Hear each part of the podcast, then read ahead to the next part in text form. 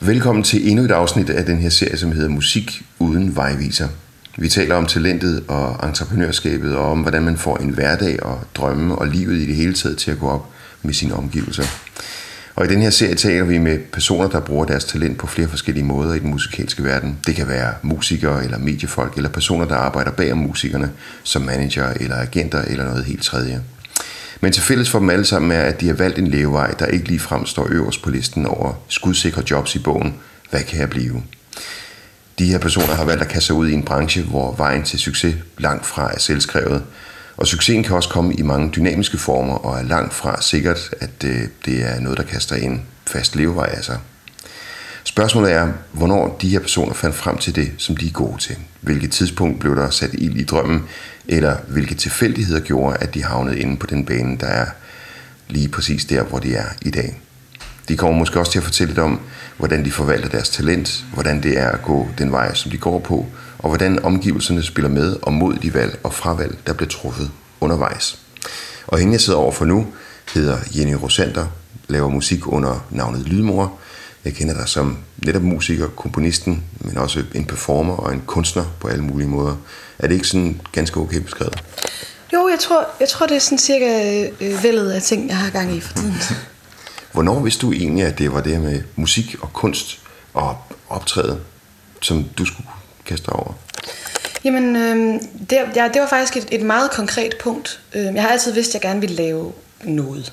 Altså, jeg vil, vil gerne lave en eller anden form for verden, folk kunne drømme sig ind i. Men jeg troede faktisk, at jeg kunne være filminstruktør. Øh, men så på min efterskole, da jeg var 15, så øh, sang jeg til en åben scene. Øh, ved en tilfældighed var en ven, der havde spurgt mig at være med til at synge en sang. Han skulle spille klaver, så skulle jeg synge. Og der kunne jeg mærke, hov, det der jeg gerne vil, skabe verden og få folk til at føle ting, det kan jeg gøre meget nemmere her. Der er et eller andet her, jeg kan, og som er fedt, og som jeg skal dykke i. Og så ændrede alt sig for mig. Siden der har det egentlig været rimelig sådan sikkert, at i hvert fald det skulle have noget med musik at gøre. Du havde ikke sunget før det, eller hvad? Jeg havde sunget i kor. Øh, jeg havde måske også sunget lidt solo i de der kor, men det havde ikke været, jeg havde ikke prøvet det der med at stå og have en scene, som var min. Øhm, og det, det, det var en, en instant love affair. De der film, som du så skulle instruere, da du gik på efterskolen og tænkte på det, hvad var det for nogle type film? Jamen altså, jeg var jo total fantasy sci-fi nørd, så jeg ville jo bare gerne øh, lave Ringens Herre, eller husk Ringens Herre og Star Wars filmene. Jeg sad og så alt ekstra materialet. Jeg ville bare gerne være Peter Jackson, altså. Øh, så det var sådan noget med sådan nogle store, vilde, sindssyge universer, altså. Men så blev det musikken, du kastede over, og det der med at, at stå i front for noget, og synge om noget, og røre folk også, og berøre folk. Ja, jeg tror, det vil altid være kernen i alt, jeg gør. Det er det her med at skabe noget inde i nogle andre. Øhm, jeg, jeg laver ikke som, som sådan musik for min egen skyld. Øhm, det er der nogen, der gør, jeg siger, at de vil lave musik, hvis der ikke var nogen, der hørte det. For mig handler det altid om, hvad er det, man kan skabe ind i nogle andre. Hvad skaber det ind i dig? Fordi det må trods alt også skabe noget ind i dig. Det, hvis man har set en lydmorgkoncert, så virker det nogle gange som om, at du ikke rigtig kan være i din egen krop, fordi der faktisk sker rigtig meget der. Hvad er det, det skaber i dig? Det er jo bare sådan en, en flodbølge af følelser. Øhm, og det er jo det vilde, når man spiller koncert, at øh, målet for mig er jo at connecte med alle, der er der. Øh, og nogle gange så lykkes det. Og så kan man have den her sindssyge følelse, som er, som om man har sex med tusind mennesker på en gang. Øh, eller intim, man har intimitet med tusind mennesker på en gang. Og det føles altså der, der kan man virkelig føle, at min krop er ikke stor nok til det her. Øhm, at det har jeg en enorm erbødighed for. Og indtil videre, så er du en artist og en kunstner, som har spillet mange koncerter og også udgivet meget forskellig musik. Men det er vel formentlig stadigvæk lidt småt med i forhold til økonomi og sådan nogle ting på, på det her punkt. Og du skal jo have det hele til at hænge sammen. Hvordan, øh, hvordan får du de her ting til at gå op i en højere enhed? Øh, men jeg er jo så heldig, at jeg har et fantastisk hold omkring mig. Jeg har to enormt dygtige manager, som jeg har arbejdet med i snart syv år. Øhm, og faktisk det sidste halvandet år er det begyndt at se rigtig fint ud økonomisk. Øh, jeg har levet af musik i rigtig lang tid og været rigtig, rigtig broke i rigtig meget af tiden. Øhm, men, øh, men nu begynder det at give mening.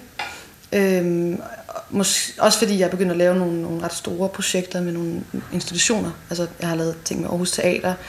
Øh, næste år kommer jeg til at lave øh, en forestilling i Oslo, øh, et samarbejde med det Kongelige Teater. Øh, så sådan, jeg ligesom begyndt at branche lidt ud, øh, end bare sådan kun koncerter og udgivelser. Øh, og så er min praksis også blevet lidt større i Danmark. Øh, det skal jeg lige vende mig til, men det er den. øhm, så ja, det, det, det begynder at være sådan, at jeg ikke skal være bekymret for i hvert fald næste måned. Hvilket er rart. Hvad er så det, der gør, at du ligesom har kastet dig ud i det her med, med teateret, de her forskellige institutioner, at du ligesom prøver at bryde ud af det, som du har bygget op igennem mange år som Jenny Lydmor, som den, den her artist, som står helt alene på scenen, men nu også samarbejder på alle mulige andre måder i musikkens verden?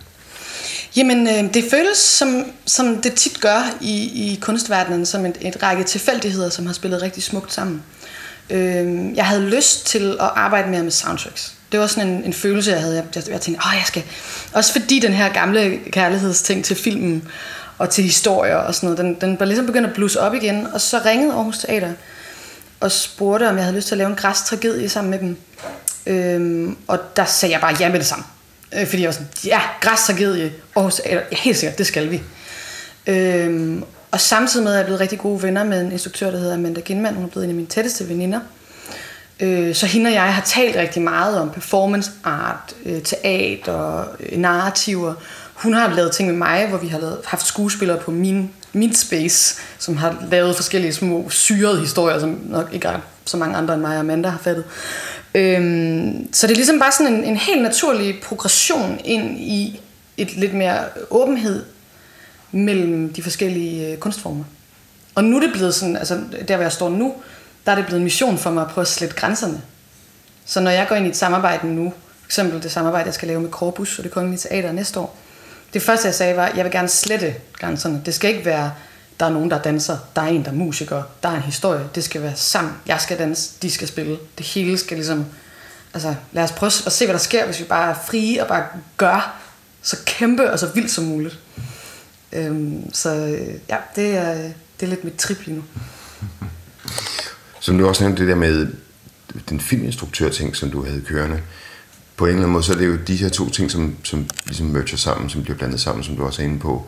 Men hvad har du lært i forhold til at skulle gå ind i den her teaterverden og være en artist og en kunstner på en anden måde? Øhm, jamen altså, det har givet en kæmpe stor selvtillid, øhm, som også har, hænger sammen med rigtig mange andre ting. Også der, hvor jeg er kunstnerisk lige nu, øh, var det rigtig godt timet. Øh, men da jeg kom ind i Aarhus Teaterprocessen, der var vi sådan en gruppe på fire, øh, det kunstneriske team. En kostymdesigner, en lysdesigner, en instruktør og mig. Og der var en kæmpe stor øh, gensidig beundring og respekt mellem os fire.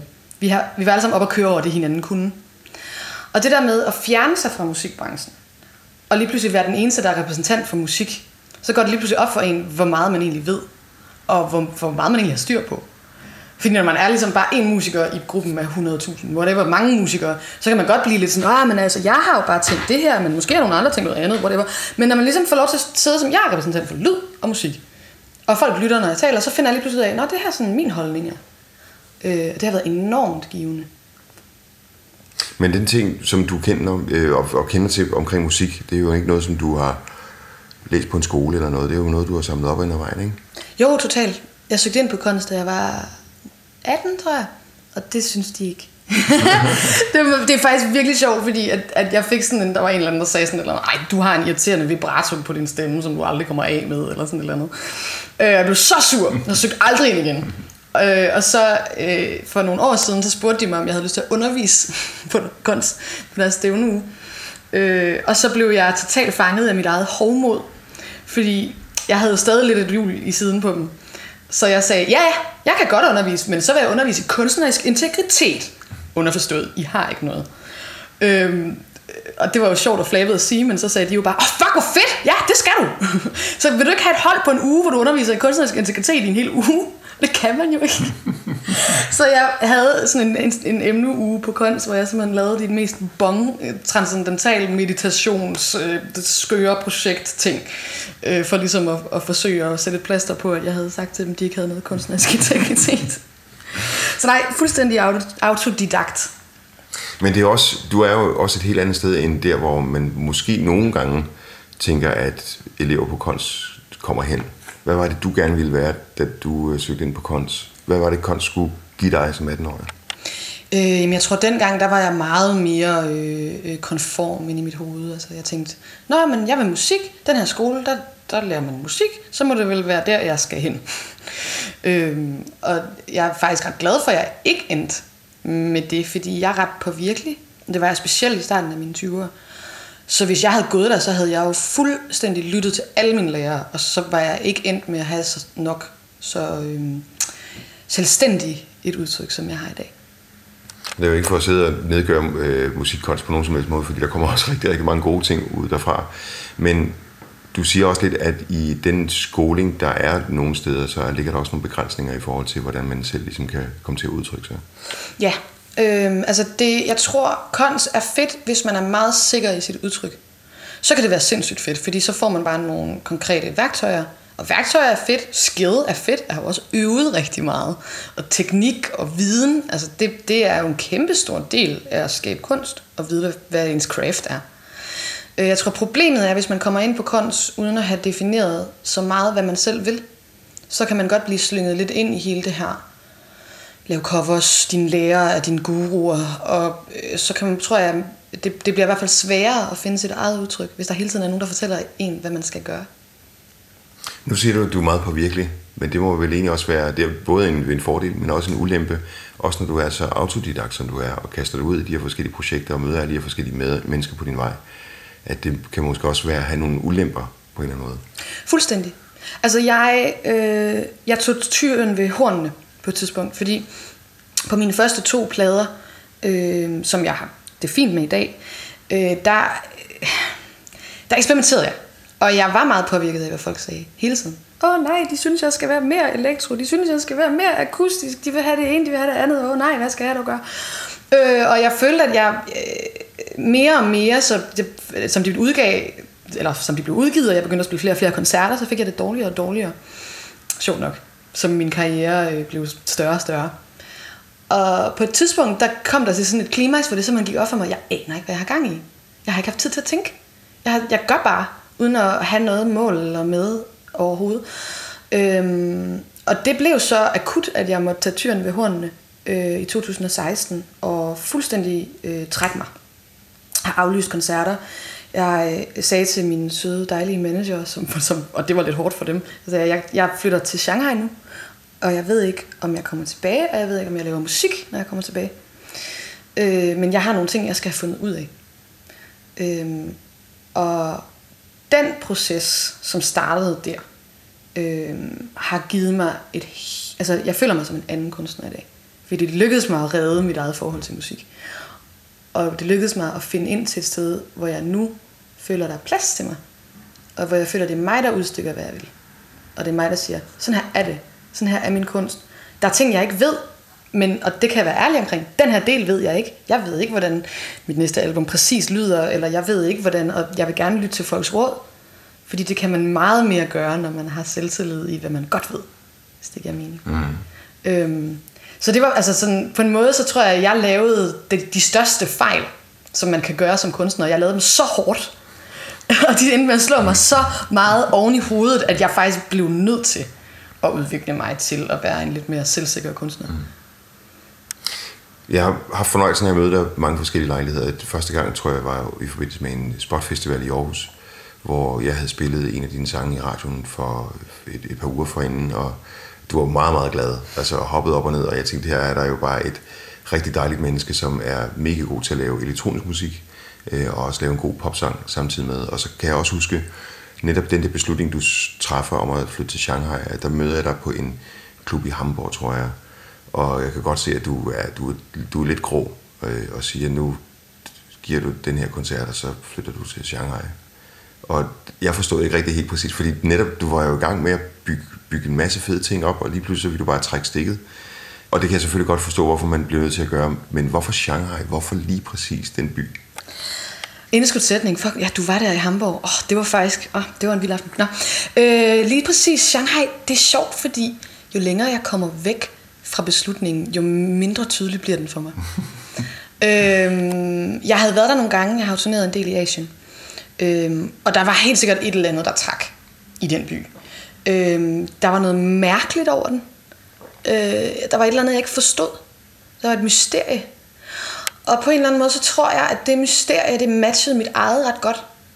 Øhm, det er sådan, der er jo mange store byer, man kunne vælge at tage til som ung forvirret musiker, og mange af dem synes jeg er meget kliché.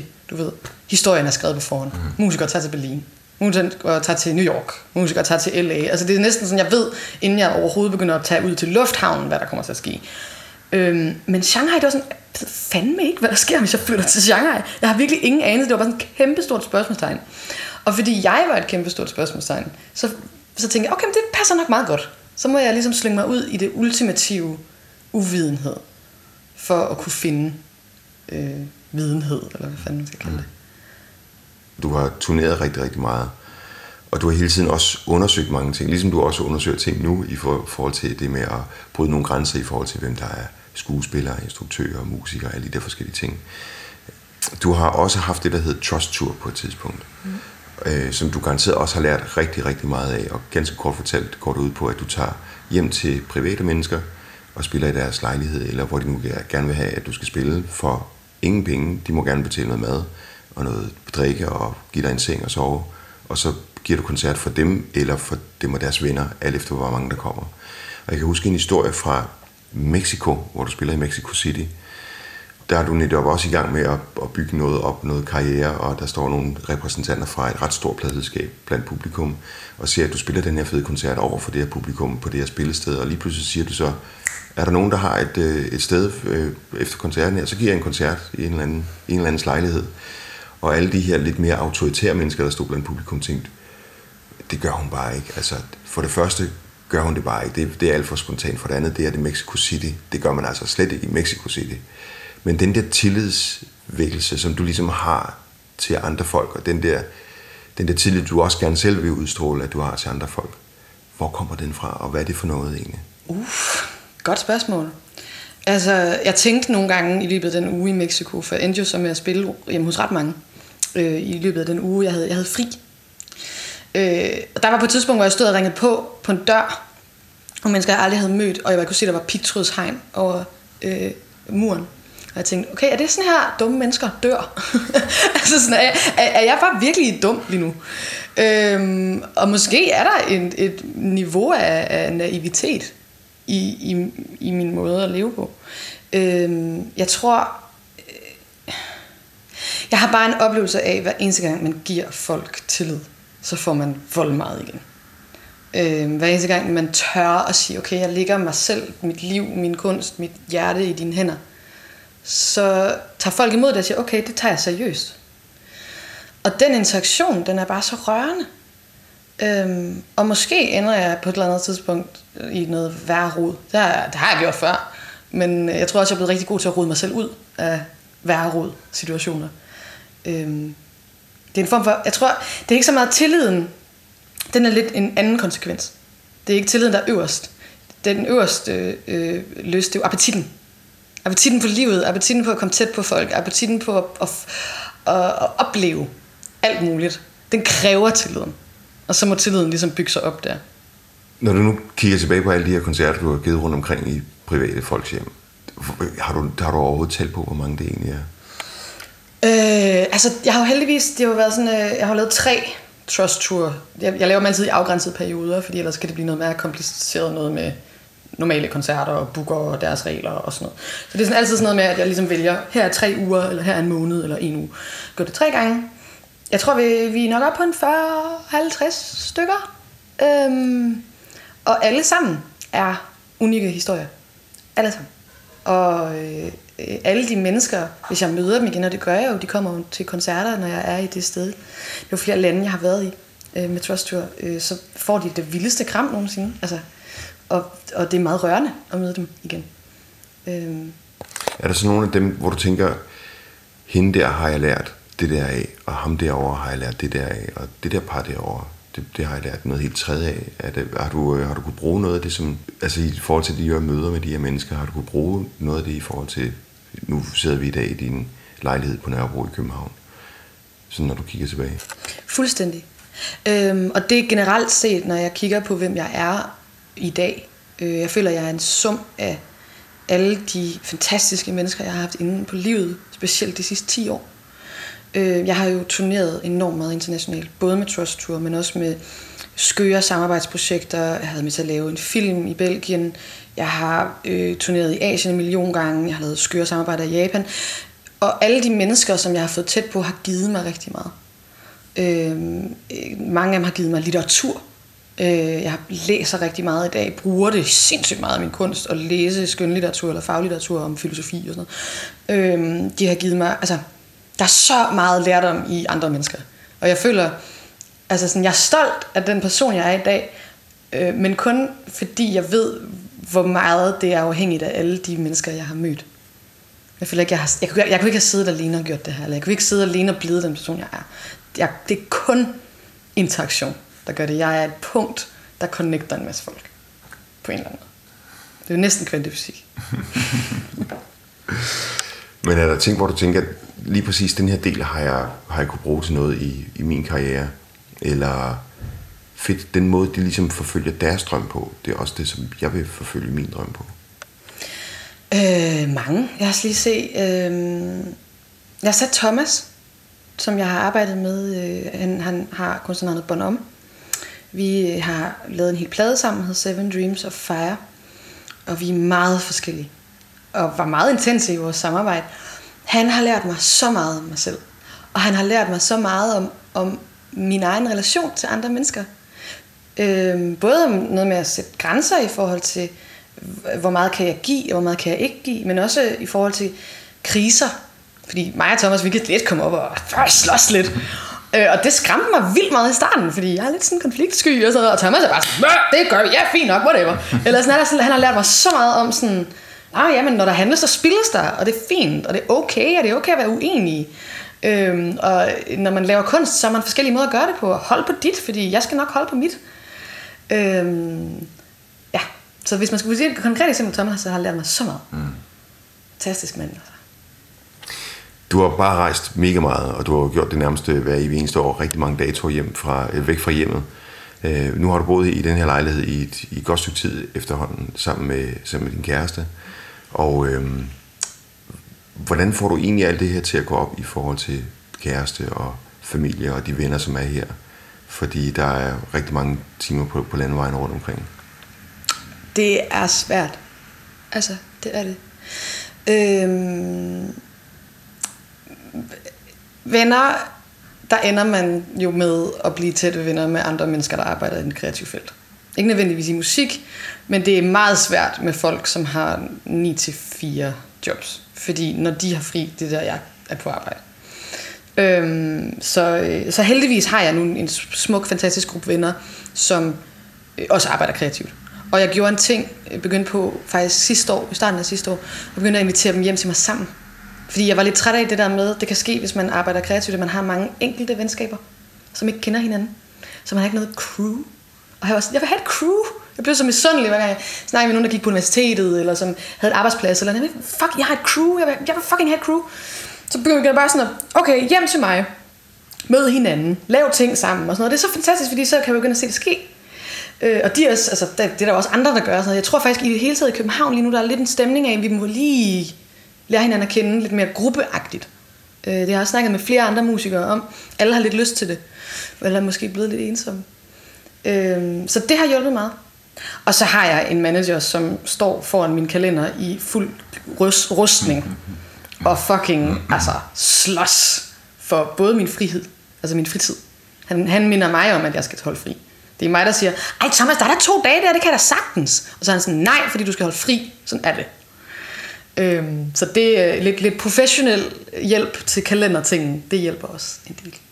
Så det er en af de ting, som du, du er ret dårlig til at administrere selv. Det her med at få, få, få tid til dig selv. Fuldstændig. Mm. Altså fordi jeg er så optimistisk på min egen øh, tidsvejn. Jeg, men, altså, jeg er også en type, der altid kommer for sent. Fordi jeg nej, det kan jeg sagtens nå. Så kan jeg godt lige nå det der, og så kan jeg lige nå det der, og så kan jeg lige nå det der. Og det, det, det tager altid længere tid. Og øh, sådan, Thomas han er ret god til at sige, men hvis du skal lave, for eksempel, hvis du skal lave et soundtrack, øh, og du, de siger, at du skal aflevere det i december, du er på tur hele november, så må vi sørge for, at vi ikke booker op i oktober. Så må du lave det der. Øh, fordi ellers så ender du med at sidde på din novembertur og lave soundtrack på hotelværelser. og så bliver du pisse stresset, og så skal jeg sidde og håndtere det, og så skal vi aflyse shows. Så han er sådan helt vildt god til sådan at forudsige, hvad der kan lede til, at jeg presser mig selv for hårdt. Fordi jeg kan ikke slukke. Hvis jeg ved, at der er et eller andet inspirerende i gang, og hvis jeg har fans, der skal snakkes med efter shows, eller hvis, altså, så kører jeg bare, indtil jeg falder om, hvilket du jo også godt ved, er sket. øhm, så der, øh, der er Thomas, øh, sådan, specielt efter jeg faldt om sidste år, blevet meget opmærksom. Og det er så rart. Så rart.